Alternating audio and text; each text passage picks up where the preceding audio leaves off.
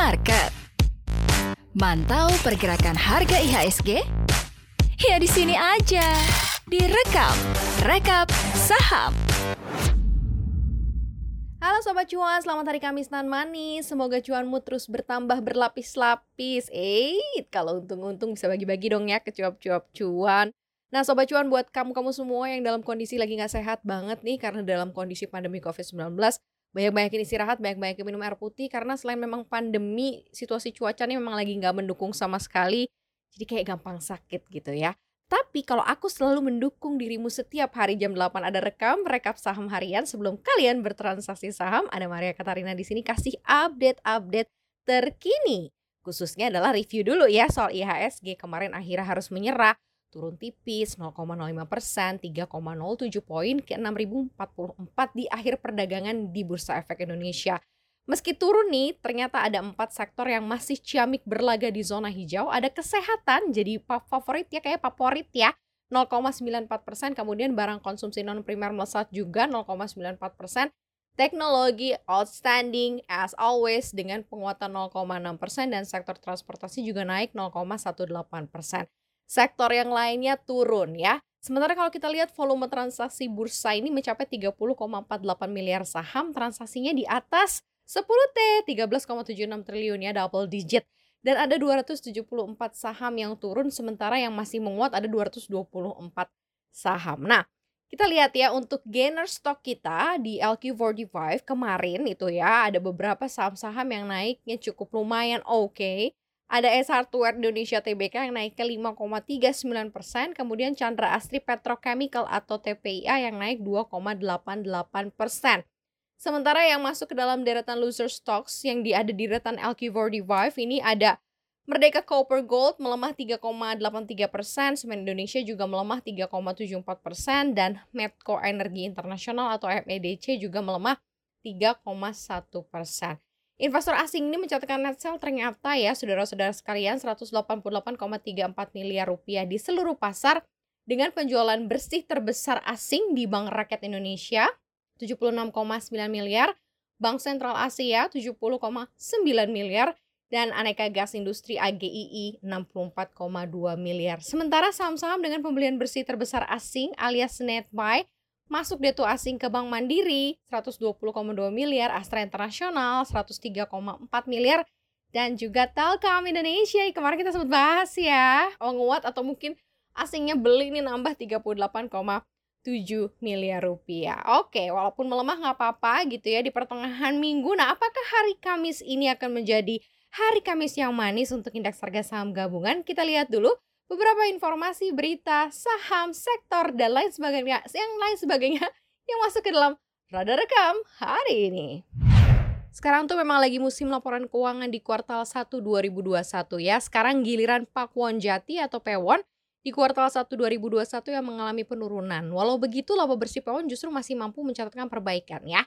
Di sepanjang kuartal 1 2021, Pewon ini bukan pendapatan 1,11 triliun, turunnya 32,4% secara year on year. Sementara dari sisi bottom line, emiten properti ini mencatatkan kenaikan 254,5% secara year on year. Pakuan Jati, kalau Anda yang suka pergi berjalan-jalan di kota Casablanca itu part of Pakuan Jati. Jadi bisa dilihat ya kalau seandainya uh, penurunan ini terjadi karena memang ada beberapa hal yang mempengaruhi kinerja, termasuk salah satunya adalah penutupan mall, kemudian juga kemarin pembatasan sosial berskala besar, PPKM yang berkepanjangan ini agak berat ternyata untuk para pengusaha properti khususnya memang yang punya mall di antaranya adalah Pakuan Jati. Nah, sementara kalau dilihat dan dilihat lebih dalam, ternyata kalau dari sisi marketing sales, P1 ini mencatatkan penjualan loh sebesar 427 miliar rupiah atau naiknya 17% secara year on year. Dan ini juga sudah memenuhi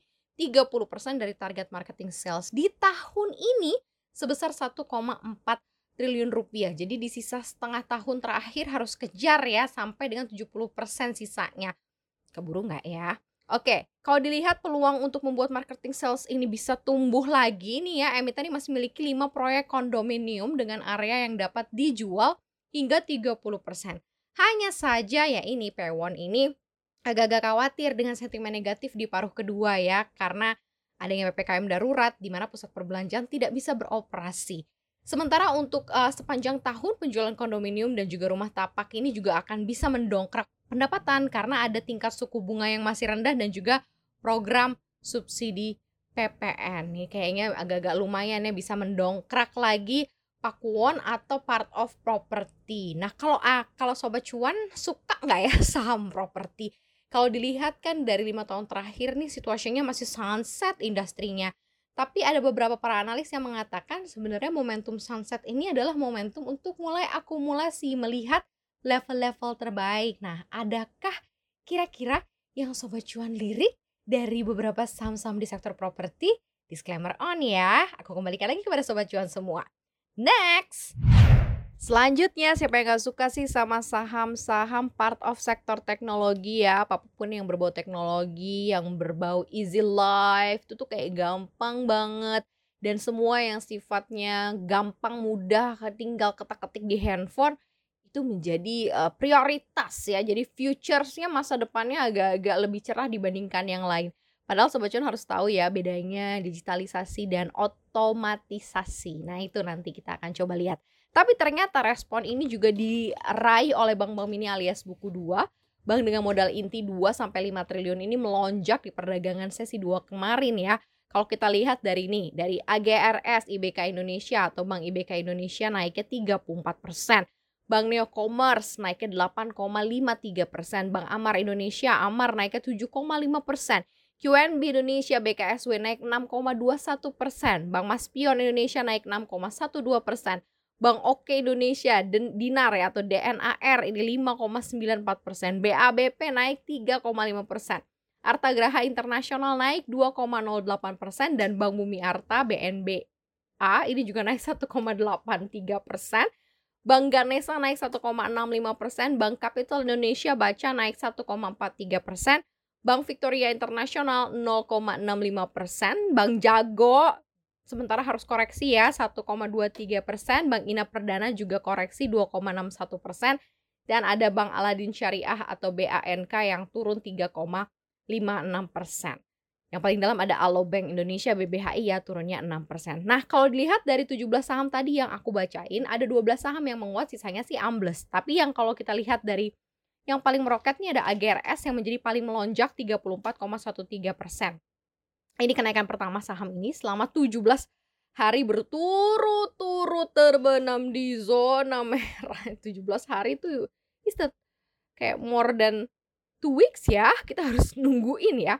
Dan di posisi kedua ada BBYB yang juga melesat 8,53 persen. Kabar teranyar nih, investor asing uh, Rockcore Financial Technology Co. Ltd kembali menambah kepemilikan saham di perbankan PT Bank Neo Commerce Tbk yang sebelumnya 4,05% menjadi 6,12%. Secara lebih rinci, menurut keterbukaan informasi di websitenya Bursa Efek Indonesia, kepemilikan saham Rockcore Financial di bank yang dikuasai oleh perusahaan financial teknologi Aku Laku ini bertambah nih dari sebelumnya sekitar 293 ribu saham nih jadi 458 juta saham. Oh, juta saham, sorry ya. Jadi tambahnya sekitar 165 juta saham dan di bawah saham BBYB ada Bang Amar juga yang melesat ya 7,5 persen. Tapi agak beda nasib ya sama Arto tadi sama Bina dan juga Bang yang kayaknya harus menyerah dan juga terkoreksi. Nah, kenaikan saham atau harga saham dari BANK ini terjadi seiring kabar dari Bank Aladin yang katanya menemukan kolaborasi strategis dengan emiten pengelola retail Alfamart, PT Sumber Alvaria Trijaya, AMRT, dan juga perusahaan penyedia aplikasi telemedicine Halodoc ya. Selain itu juga ada sentimen positif sih yang mendorong kenaikan Bank Mini ya karena beberapa di antaranya itu terkait mengenai segera dirilisnya peraturan otoritas jasa keuangan POJK mengenai bank digital pada pertengahan di tahun ini. Jadi semakin confirm kan bank digital ini ya. Untuk bank digital sendiri saat ini pembentukan aturannya akan segera rampung di mana aturan mengenai bank digital akan dirilis pada pertengahan tahun alias di Juni 2021. Sebelumnya para investor pun juga berspekulasi bahwa saham-saham Bank Mini ini akan dicaplok investor strategis dan ditransformasikan menjadi bank-bank digital. Wow, welcome to the new era. Welcome to the new world ya, the future world pastinya yang lebih banyak pilihan dan akan lebih dinamis. Pastinya Sobat Cuan juga harus mulai picky, tricky begitu ya dan harus punya strategi juga ya dalam memilih saham-saham yang menjadi portofolio sahamnya Sobat Cuan.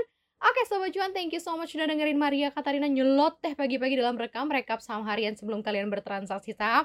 Sok atuh sekarang mau ngopi dulu, boleh sarapan dulu juga boleh, mau ngapa-ngapain juga boleh. Jangan lupa selalu dengerin kita di Spotify, Apple Podcast, Google Podcast ya untuk selalu mendapatkan informasi terbaik dan juga terkini soal saham. Klik juga jangan lupa di www.cnbcindonesia.com Follow juga akun Instagram kita di @cuam underscore cuan dan di YouTube channel kita cuap cuap cuan. Thank you so much untuk selalu mendengarkan Maria pagi-pagi ya. Sampai ketemu besok Sobat Cuan. I love you all.